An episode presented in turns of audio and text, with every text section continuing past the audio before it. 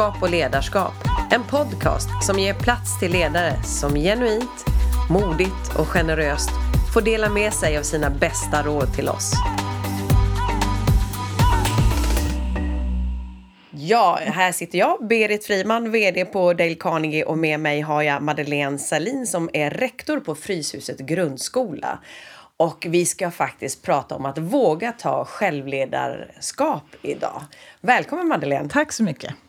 Jag tänkte, du är ju ledare idag och du leder många på flera olika sätt. Men innan vi kommer in på det så kan vi väl börja med när du växte upp. Vad hade du för bild av hur ledare var då? Ja, jag växte upp på det glada 70-talet. gick i skola då. Ehm, jag kommer ihåg väldigt mycket ledare. De som betydde mycket för mig, det var de som var väldigt trygga eh, och hade auktoritet, men också hade mycket lekfullhet och kunde berätta.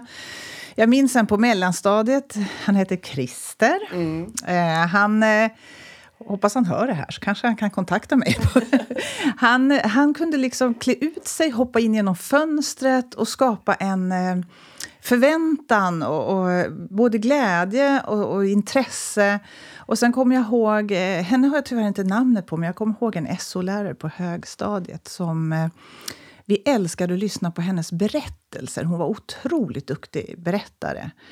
Så de här som kunde trollbinda oss så att vi inte förstod att vi lärde oss, men ändå lärde oss mm. massor. Vad de pratade hon om då? Hon pratade om resor. Eh, när hennes, hennes man var arkeolog, så att hon pratade väldigt mycket om resor och saker hon hade upplevt tillsammans med honom som trollband oss, så att vi var alldeles tysta. Vi älskade att lyssna på hennes berättelser. Det var det bästa som fanns. Så det är en sån här sak jag kommer ihåg. att De här ledarna var väldigt trygga i sitt ledarskap mm. och vågade leva ut utifrån sig själv, mm. vilka de själva var. Mm, häftigt. Och det är ju kul att vara som lärare kunna göra sånt avtryck egentligen, så människor kommer ihåg det för flera år efteråt. Mm. Eh, men sen började du jobba själv och du kom ju in, du började ju jobba och blev ledare i skolan också. Ja. Hur, hur, var det att jobba som lärare då? Ja, jag, jag lekte ju lärare. Älsk, alltså läraryrket var ju mitt drömjobb. Eh, någonting som jag längtade av att bli. För att jag hade väldigt eh, goda erfarenheter själv av skolan. Och eh, jag växte upp i en arbetarfamilj. Mina föräldrar gick bara sju år i skolan. Mm. Så det var mycket lärarna som betydde väldigt mycket för både min läslust, min upptäckarlust. De gav mig så mycket, så det blev, de var förebilder och någonting jag själv ville bli. Mm. Så sen när jag blev lärare, efter mångt och mycket, efter mitt tredje barn, ja. så, så äh, det var intressant hur, hur svårt det var, men hur fantastiskt roligt det var. Och jag kommer ihåg fortfarande den där känslan. För I början gick jag hela tiden och, och, så lät jag omständigheterna avgöra om det hade varit en bra dag eller om jag hade varit en bra ledare. Mm. Men jag kom så väl ihåg när jag hade jobbat två, två och ett halvt år. Jag fick den här känslan i kroppen. Vänta nu här, det är jag som bestämmer hur min dag är. Mm. Och jag, hela mitt ledarskap förändrades från den dagen. För då var det inte omständigheterna som styrde mig, utan det var jag som mera avgjorde och styrde liksom min dag. Och det var en fantastisk frihetskänsla. Vad var det du kunde göra då som du inte kunde göra innan? Alltså jag kunde ta emot det som hände på ett mycket tryggare sätt och göra någonting bra av det, vad, vad det än var. Mm. Så kunde jag skapa någonting av det som gjorde att jag ändå hade ledarskapet, självledarskapet så att säga. Har du något exempel på vad som kan hända? Ja, det kunde till exempel vara om en, ett, ett barn utmanade klassen. Mm. Så, eh, så kunde jag göra det till en grej som blev att det är jag som styrde det i alla fall. Att jag, att jag kunde liksom skoja. Om han ställde sig upp så sa jag, nu har vi en som vill underhålla oss lite här. Mm. Och så kunde jag på något vis göra så att alla hade roligt tillsammans med mig. Och även den här personen blev involverad och fick bli sedd så att vi sen efteråt kunde, jag kunde checka av efteråt att den inte på något vis hade upplevt sig mm. kränkt eller så. Mm. Men det blev att vi blev ett team. Mm. Eh, och då, det blev ju också att jag fick ta väldigt mycket svåra klasser då efter det. Mm. Eftersom jag hade en, det blev naturligt för mig eh, att skapa en sån eh, vad ska man säga, en sån klassrumsmiljö ja. så att man trivdes ja. att vara eh, med mig. Så upplevde jag det. Så att jag fick ta många gånger de många gånger klasser som var lite tuffare. Då. Mm. Det där med att bli rektor, var det någonting som du drömde om? För du sa tidigare att du ville bli lärare när du var liten och tänkte, blev du lärare så tänkte jag, ah, nu vill jag bli rektor. Nej, det fanns absolut inte i min föreställningsvärld. Jag eh, älskade att vara med barnen mm. och jag fick energi av att vara med barnen och jag kände att rektor för mig var bara någon som sitter i möten och, och, mm. och eh, är långt ifrån det som ge, gav mig energi. Så jag sökte ju ett jobb på Fryshuset som lärare. Mm. Och så ringde de upp mig och ville att jag skulle bli rektor. Och jag skrattar när jag tänker på det, för jag tänkte, vad är det här för ett ställe? Det som avgjorde att jag ändå gjorde det, det var ju att jag ställde nog mer frågor till dem än de till mig när jag kom mm. dit av nyfikenhet. Mm. Och då så sa jag, nej men jag ska vara med barnen. Det är för mig oerhört viktigt. Mm. Och då sa de, det får du vara här. Och då mhm. sa jag till min man, ska jag prova någonstans så är det i den här eh, formen där de lovar att jag ska få mm. vara mm. nära eleverna. Mm. Och det har jag inte ångrat, för det får jag vara. Jag får mm. vara väldigt nära eleverna och sitter precis i mitten där det alltid är öppet och de kan komma in, eh, om jag inte då har möten förstås. Men mm. annars så är jag ju runt, de är runt omkring mig hela tiden och jag kan gå in naturligt. Jag känner alla mina 300, ungefär 300 mm. elever. Ja. Um, och jag har som mål att lära känna allihopa, så jag går in och träffar dem klassvis mm. också, eh, med jämna mellanrum. Mm. Och håller i egna ledarutbildningar, eh, har jag gjort. Mm. Och nej, så det, det, det har varit okej okay, faktiskt. Jag kan gå in, behöver jag lite energi så kan jag faktiskt gå in i ett klassrum och så ställer jag mig i dörren och så bara andas jag djupt. Tack för lite ungdomsenergi. Och sen går jag ut därifrån och, då, och då tittar de på mig och, och, och eh, tycker jag är jättetokig. Så där skulle vi behöva ha ett rum att gå in i allihop tror jag. Det låter jättebra. Ja, suger ur lite ja. av deras härliga ja. kraft och energi som de har. Men de vågar komma in och knacka på och de, prata med dem Ja, också. ja. Det, det, det, är väldigt ovant för dem när de börjar hos oss, eftersom ja. vi är högstadieskola, då, årskurs ja. 7 till 9.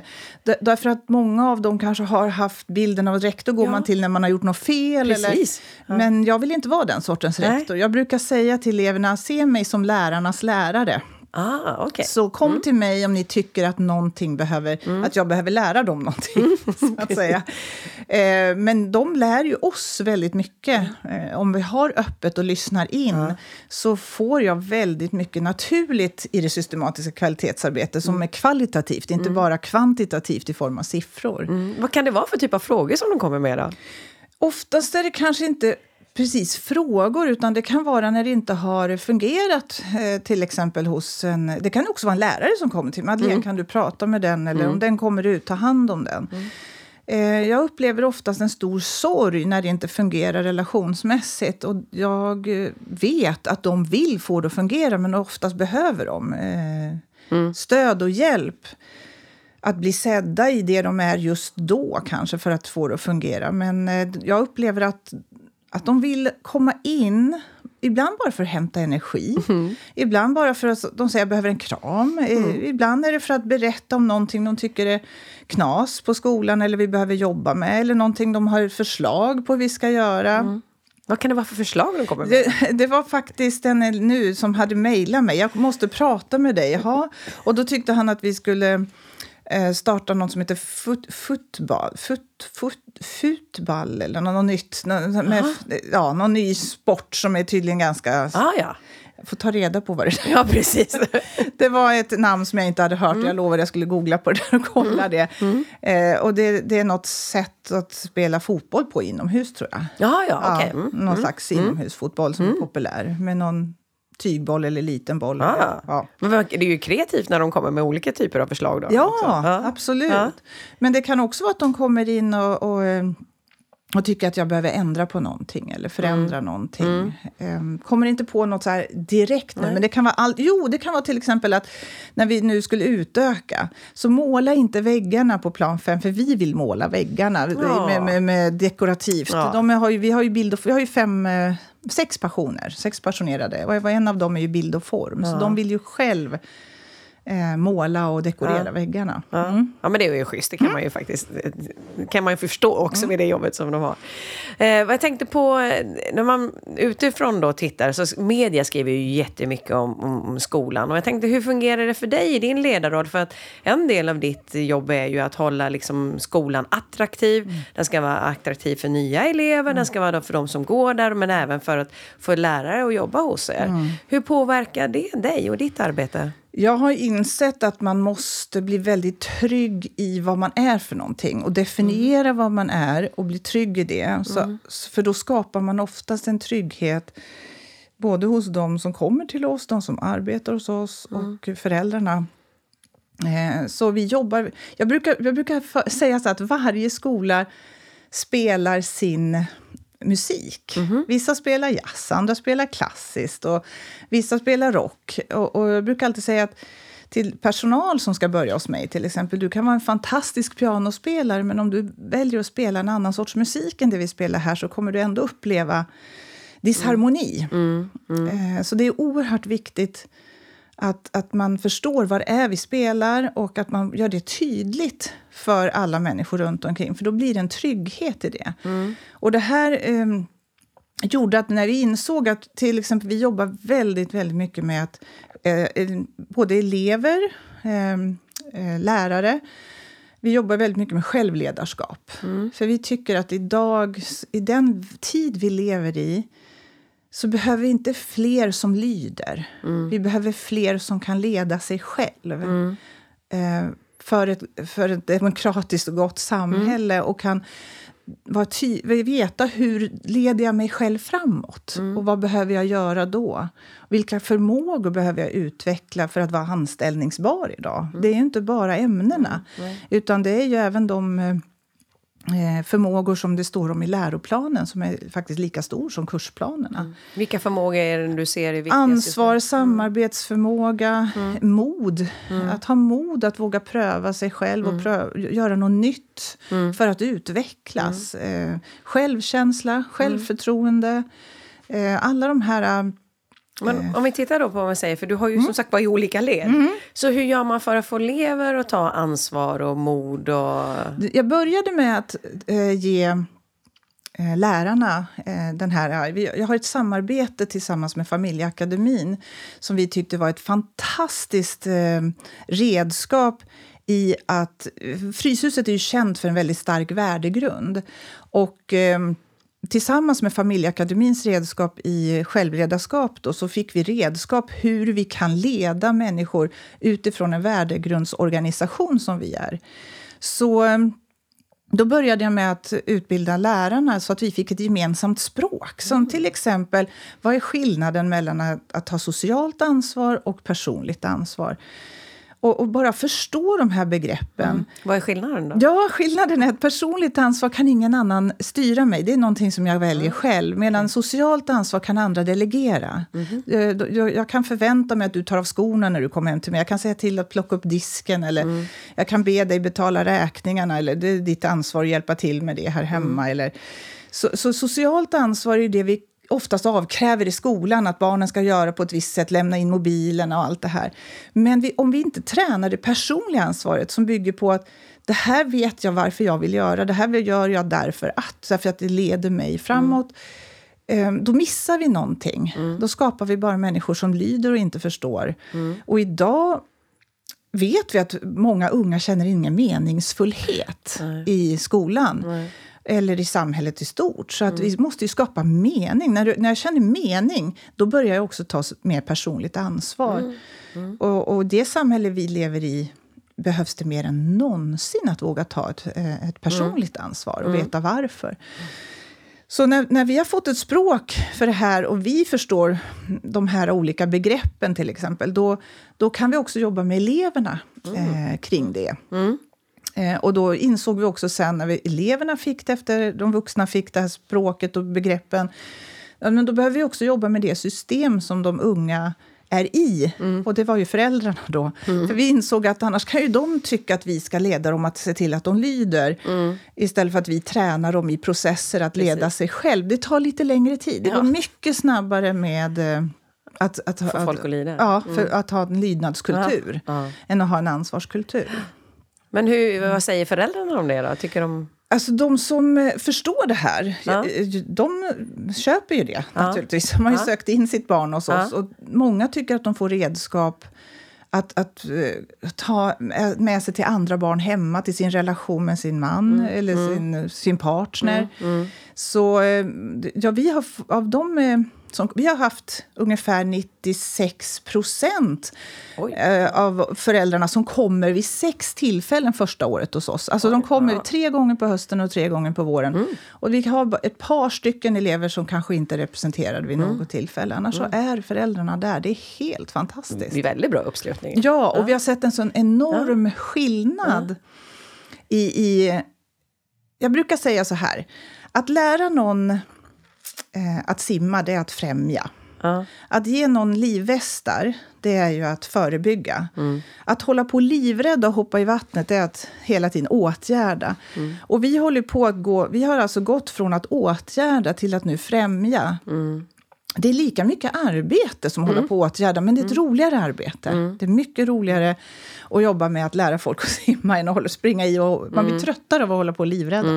Åtgärda. Nej, jag tänkte på hur, hur fungerar det som... Du, du sa som lärare att man handlar om att spela samma typ av musik som vi spelar. Men du har ju också lärare som vars motivation kan jag tänka mig gå upp och ner och så vidare. Och du blir ju ändå, man säger, lärarnas lärare som ska ta hand om de här.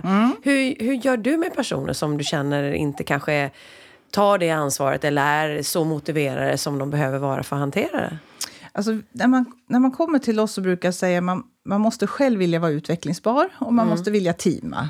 Och det är oerhört viktigt att man, när man har såna här dagar, då teamar man. Då säger man, man tar hjälp av varandra.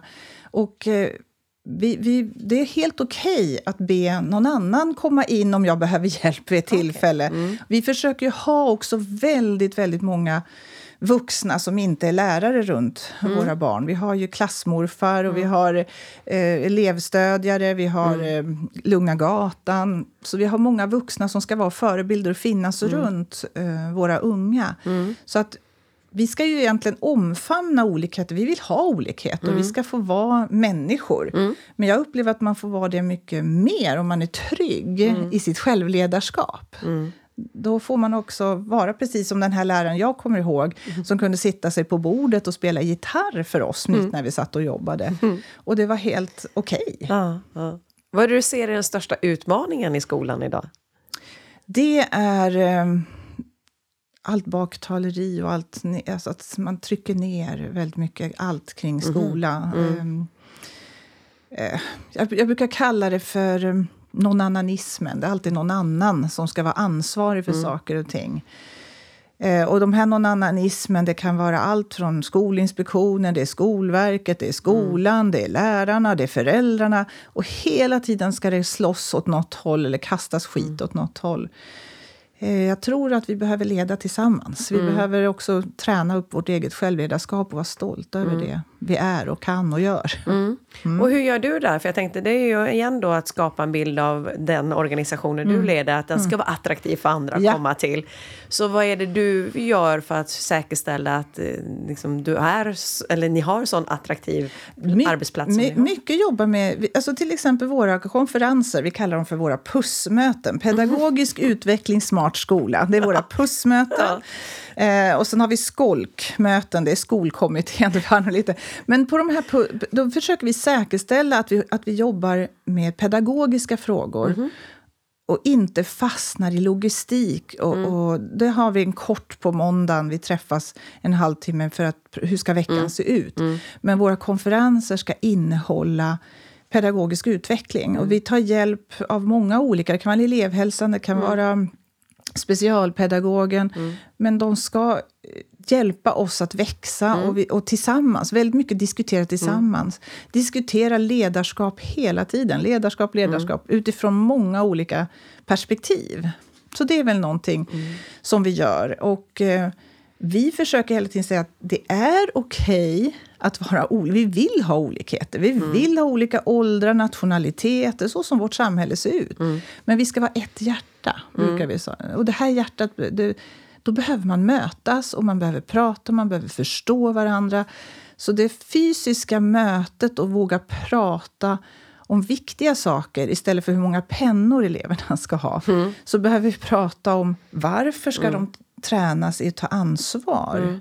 Det är en djupare fråga kring att ta med sig material. Mm, mm. Och där behöver vi förstå och diskutera och lyssna på varandras eh, olika erfarenheter, varför vi gör som vi gör. Och när vi förstår det, då kan vi också stötta varandra. Och då behöver vi inte heller göra likadant. För mm. vi är inte en skola där ledarna gör likadant, mm. utan vi har förhållningssätt, som vi säger då, istället mm. för man får ha hur mycket regler man vill i klassrummet och mm. bör ha det tillsammans mm. med eleverna. Mm. Men eh, det är viktigt där också. Vi pratar också om naturliga konsekvenser och logiska konsekvenser och ologiska som upplevs som straff av unga.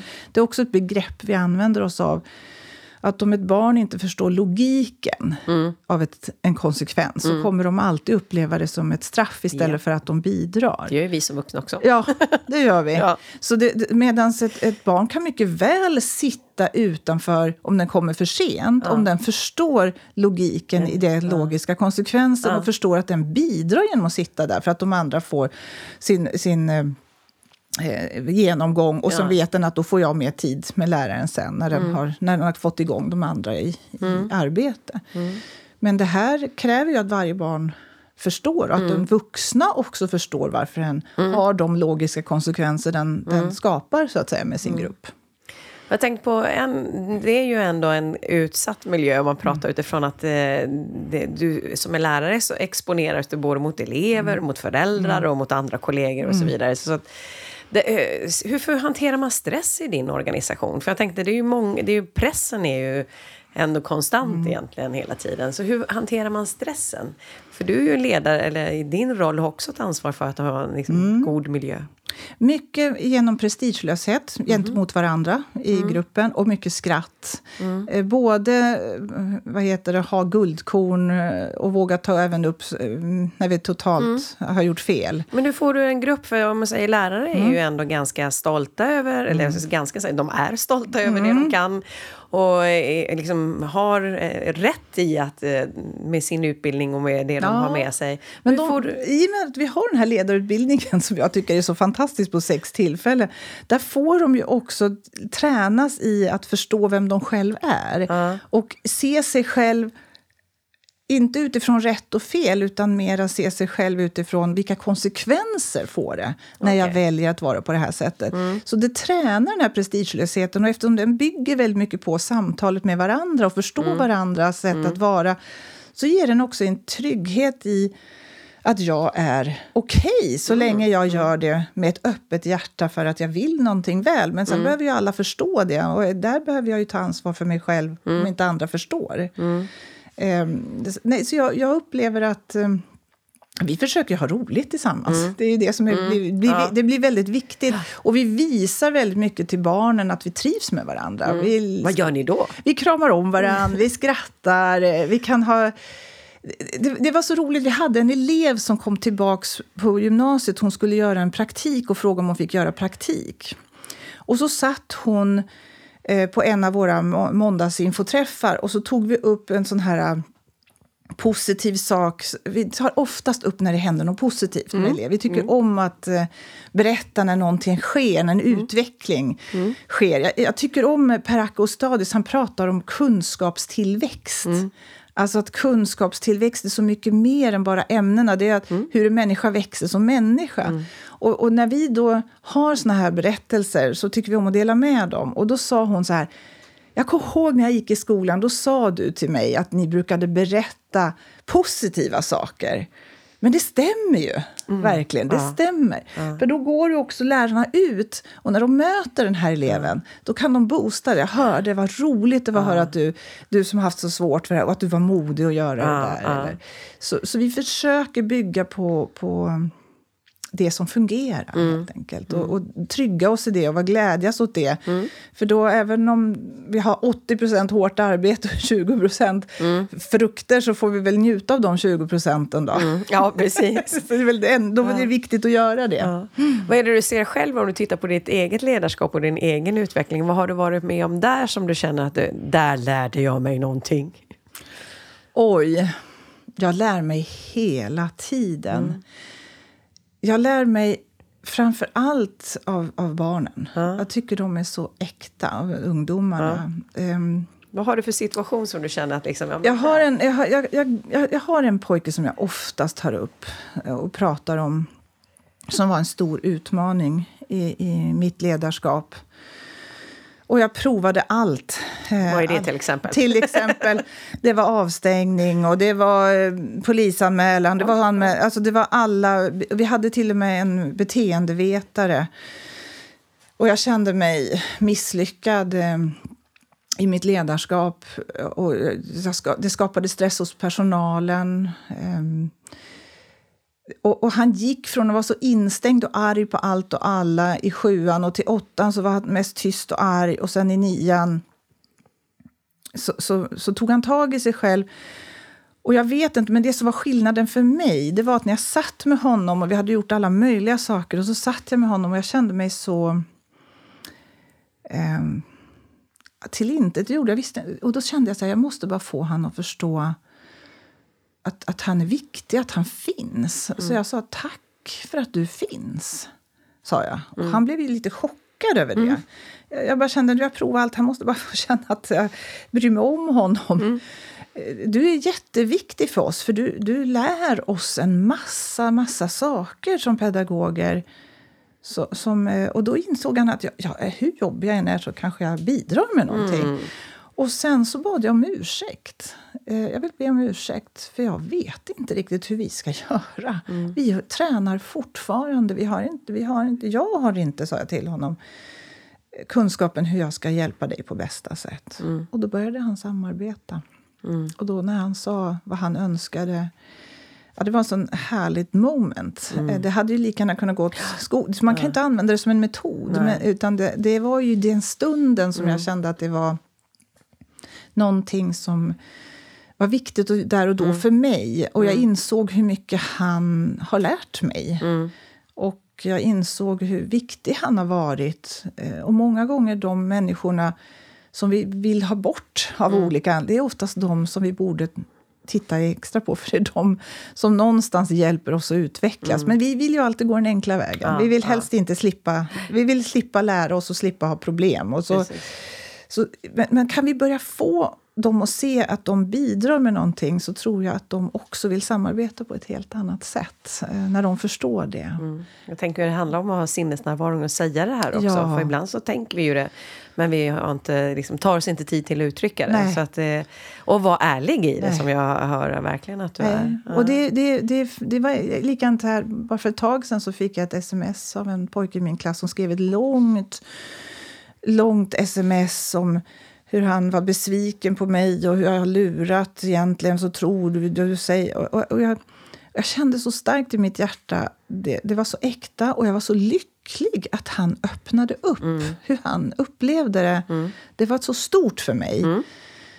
Eh, det var viktigare än vilka ord han skrev. Mm. Det var att han för första gången mm. verkligen var öppen med mm. hur han upplevde saker och ting i skolan. Och det kände jag så här, det blev liksom en nyckel för mig att, att nu kan vi prata mm. hur vi vill ha det tillsammans. Mm. Men hur får du, för det där handlar ju väldigt mycket om förtroende. Mm. För uppenbarligen så har han ju förtroende för dig att mm. du lyssnar egentligen, eller tar dig till det du mm. får. Så hur, hur gör vi för att bygga bra förtroende med personer som vi har runt omkring oss? Hur gör du? Våga se den andra människan med eh, Alltså att den, att den har, alltså ser dem som kompetenta människor mm. med enorm livserfarenhet.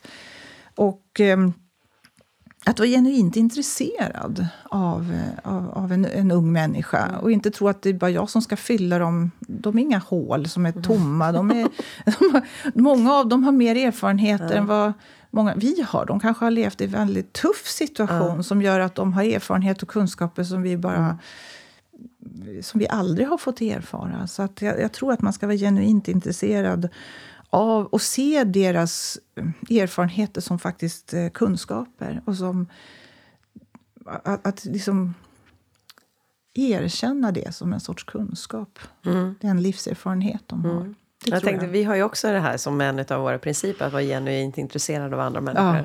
Och då var det en av, eh, faktiskt en, en ung person som sa, ja men lägg av, man kan ju faktiskt inte vara genuint intresserad av alla människor. Nej. Och så hade vi en diskussion runt det. Och hur ser du på, på det? Kan man verkligen vara genuint intresserad av alla människor? Jag sa en gång eh, till en person, en lärare som sa, man hinner ju inte lyssna Nej. på alla.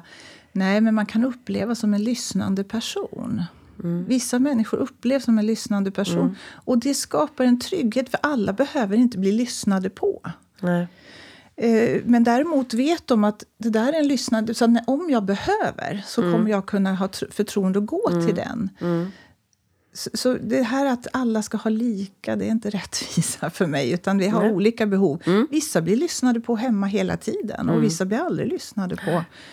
Och de behöver kanske mer av oss. Um, och, och, jag tror det är viktigt när man lyssnar in att man inte går in i nåt det är synd om dig. Mm, mm. Jag brukar alltid säga att du kan ha din livshistoria, dina erfarenheter som en förklaring eller en ursäkt. Mm.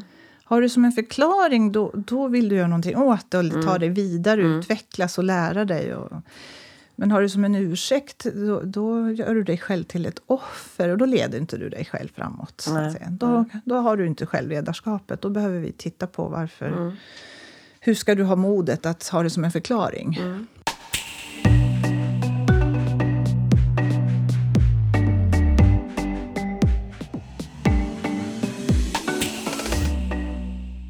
Jag har tänkt på utifrån, du har ju ett stort ansvar och du har som sagt många människor som vill prata med dig och mm. prata med dig. Mm. Hur, hur, leder du dig själv när det gäller det här med att hantera den pressen som du är under? För att det är ju många som tycker att du ska göra på det här sättet eller föräldrar som säger så, lärare som tycker så, elever som tycker du ska göra på ett annat sätt. Hur, hur leder du och navigerar du dig runt i det här? Jag, jag måste säga att jag har väldigt, väldigt få föräldrar som hör av sig. Mm. Sen vi började med de här äh, föräldramötena med ledarutbildning där de blir trygga i hur vi leder och varför mm. vi leder processinriktat så upplever jag, hör de av sig så är det för att de vill samarbeta mm. och de vill samtala. Ja, så jag tycker inte att, jag upplever inte det som ett äh, ett problem. så. Mm. Och likadant, eh, jag, jag, upplever också att lärare är trygga med att komma och prata. Mm. Jag, jag, föreställer mig det. Att mm. de, de, kan komma in och berätta om de har haft en tuff dag. Och, och, vi kan liksom prata och samtala. Men jag tror att vara närvarande. Jag lämnar gärna allt, allt administrativt till någon annan. Ja. Jag brukar säga att jag gör, som, jag gör mitt jobb som bäst när jag har som minst inplanerat i min kalender. Ja. För då är jag närvarande och på ja. plats och lyssnar in. Och när jag får tid att sitta ute med eleverna, finnas bland lärarna, bara mm. gå in. Det är då jag känner att jag gör mitt absolut viktigaste jobb. Mm. Mm. Jag tänkte på när du tittar tillbaka då på din mm. karriär som mm. rektor. Vad är det du känner att du är mest stolt över? Oj. Det, är, det jag är mest stolt över det är att... Uh, det är att varenda gång jag känner ett, ett, tvivel på mitt mm. ledarskap. Och så går jag tillbaks till mina värden och mina varför gör jag det här? Och så får jag ny kraft. Nej. För att det, det är tufft att stå emot mm. idag. Som någon tycker gör si och gör så. Och jag tror väldigt mycket på att man ska jag brukar säga stå upp, stå ut och stå kvar. ja, det är väldigt bra. jag brukar alltid säga det handlar om att stå upp, stå ut och stå kvar. Och, och, och stå upp handlar ju om att vara tydlig i sina värden. Mm. Eh, och att stå ut handlar om att ha tålamod med processer när man tror att nu, mm. när man så fort vill göra någonting annat. Nej, var kvar i det. Mm. Det är någonting som händer här, det är någon utveckling som mm. sker. Och stå kvar, det handlar ju hela tiden om att ha kärleken till den här nästan, att, att, att jag finns kvar här mm. även om det stormar både runt oss eller dig eller, mm. eller vad det är. Så jag var en pålitlig person. Ja, precis. Mm. Så jag tycker om de här, jag brukar påminna oss, vi brukar påminna oss om det. Stå upp, stå ut, stå kvar. Mm, det är jättebra. Jag tänkte på, hur hittade du ditt varför? Varför, äh, som jag är eh, rektor? Eller ja, varför du gör det du gör och gör det, ja, år år. Ja men, det, ja, men det är ju att jag vill... Eh, jag vill värna demokratin. Jag tycker den... Alltså, idag behöver vi inte bara lära oss demokratin som en form. Vi behöver, det var någon som sa att man måste börja demokratisera demokratin. Och jag tror stenhårt på att idag behövs det mer än någonsin när vi blir polariserade att våga tro på människan, eh, tro på att vi har något gemensamt, någonting vi vill göra till gemensamt, det goda samhället och att det finns i oss. Och jag, jag tror stenhårt på det, men mm. vi behöver tydlighet i, mm.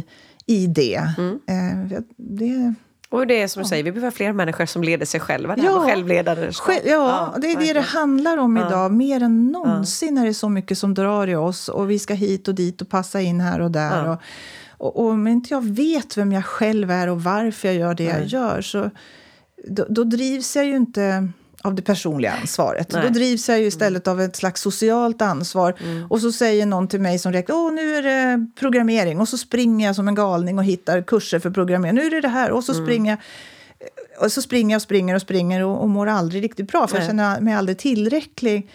Eh, att vara trygg i mig själv och ha det här personliga ansvaret det gör att jag vågar ha modet att stå emot ibland mm. också. Mm, bra. Mm, jag behöver. Ja.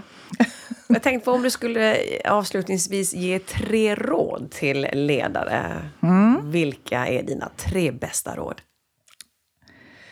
Oj, mina tre bästa. Eh, jag tror att eh, det goda ledarskapet det är nyckeln till väldigt mycket idag, självledarskapet. Och det är att våga att leda sig själv. Det, jag tycker det är den finaste gåva man kan få av någon och den finaste gåva man kan ge. Om jag tänker på mina barn, vad önskar jag? Det är att de ska leda sig själv framåt. Om mm. jag tänker på mina nära och kära, mm. Vad ger mig mest frihet? Det är när de kan leda sig själv framåt och må mm. bra i det. Då mår ju jag bra och tillåts också att göra det jag mår bra av. Um, och vad behöver man börja med då för att liksom hitta det här självledarskapet? Ja, jag, jag tror på möten med goda exempel och goda, eh, goda förmågor mm. som hjälper en att hitta. Det kan vara den här morfan, det kan vara den mm. här... Mm. Vem som en har vuxna förebilder som har hittat det. Mm. Eh, sen om man vill kalla det Dalai Lama eller vad man nu vill mm. kalla det för någonting. Eller den där fantastiska läraren. Mm. Eller, men att hitta det som gör att jag vill också ha det där mm. i, i mitt liv. Jag tänker på många som verkligen har förändrat sitt liv till ett självliv, alltså på riktigt. Mm. De har ju oftast mött något större än sig själv. Mm. Jag tänker även på många i fängelser och sådär, som, säger, nu, alltså, som mm. verkligen ändrar sitt mm. liv. Eh, de upp, upplever att de eh, finner ett större syfte än, mm. än sin egen... Eh, mm. Sitt, än, än, bara finnas för sig själv, så att säga. Mm. Så, så, jag tror på att det är viktigt att finna de där människorna som är de där förebilderna för mm. en. Det är mitt råd. Så... Hitta dem. Hitta ja. de där förebilderna. ja, och hitta det som... Din musik, ja. ska jag vilja säga. Hitta din musik som gör att du känner att du är kapabel. Mm. Som gör att du känner att du är kompetent. Mm. Eh, att du är connected, som jag säger. Jag brukar, mm. Man pratar om de, de här tre eh, the three C, connected, capable och contribute. Yeah. Att man kan bidra, att man kan mm. att man är kompetent för att ja. bidra. Och att man faktiskt ingår i ett sammanhang och känner kontakt mm. och känner att det är meningsfullt, det man mm. gör. Bra. Har du något råd till? Oj! um, se till att träffa, eller träna på det här med självledarskap. Det är väl ja. det då. Att, att, det finns så många idag. Det är... Många vill nästan förlöjliga värden och värdegrundsbaserat ledarskap och så vidare. Men jag tror vi behöver de där värdena mer än någonsin. Hur kan man träna på det då? Ja, hur man kan träna? Um, ja, man kan kontakta mig. Ja, precis. kan man göra. Ja. Vi håller på och försöker få ut det här många fler. Mm. Vi har gjort ett, ett, ett program nu, mm. föräldramötesprogram. Mm. För vi ser ju att det är så många skolor idag eh, som... Eh, som inte vet hur, hur de ska samarbeta. Vi kallar det här att leda unga tillsammans. Vi, vi måste liksom komma ihop oss. Vi måste bygga den här basen igen. Där vi inte bara skapar en massa... Jag brukar rita en triangel. Och så brukar jag säga i botten är det värdena, det här som är vad vi är. Och sen kommer i mitten beteendena och så högst upp har vi alla lagar och eh, verktyg och, och, så vidare. Idag har den här triangeln blivit upp och ner. Mm. Vi skapar nya verktyg. Det blir väldigt skevt. Mm. Vi måste ha mötena så att vi börjar bygga den här basen igen som förutsätter att vi liksom förutser hur, förutsätter hur man ska bete sig mm. istället för att tro att verktygen ska skapa eh, ett beteende hos mm. en människa. Det är inte det som skapar det. Nej, och jag tänkte det summerar ju också bra ihop det du sa tidigare, det här med att kanske inte bara fokusera på oss själva, Nej. utan faktiskt börja fokusera på andra och se ja. vad är det andra kan ge, vad är det andra kan göra. Ja. För då blir det ju också mindre liksom eget egodriv ja. i det utan mera faktiskt se hur vi tillsammans med andra ja. kan göra saker och ting. Det är jätte, mm. jätteviktigt. Mm. Att vara genuint nyfiken och faktiskt alla leder sig själv mer eller mindre ja. medvetet eller omedvetet. Men att göra människan mer medveten. Precis, det känns ju smartare att leda sig själv mer medvetet. Och hålla med.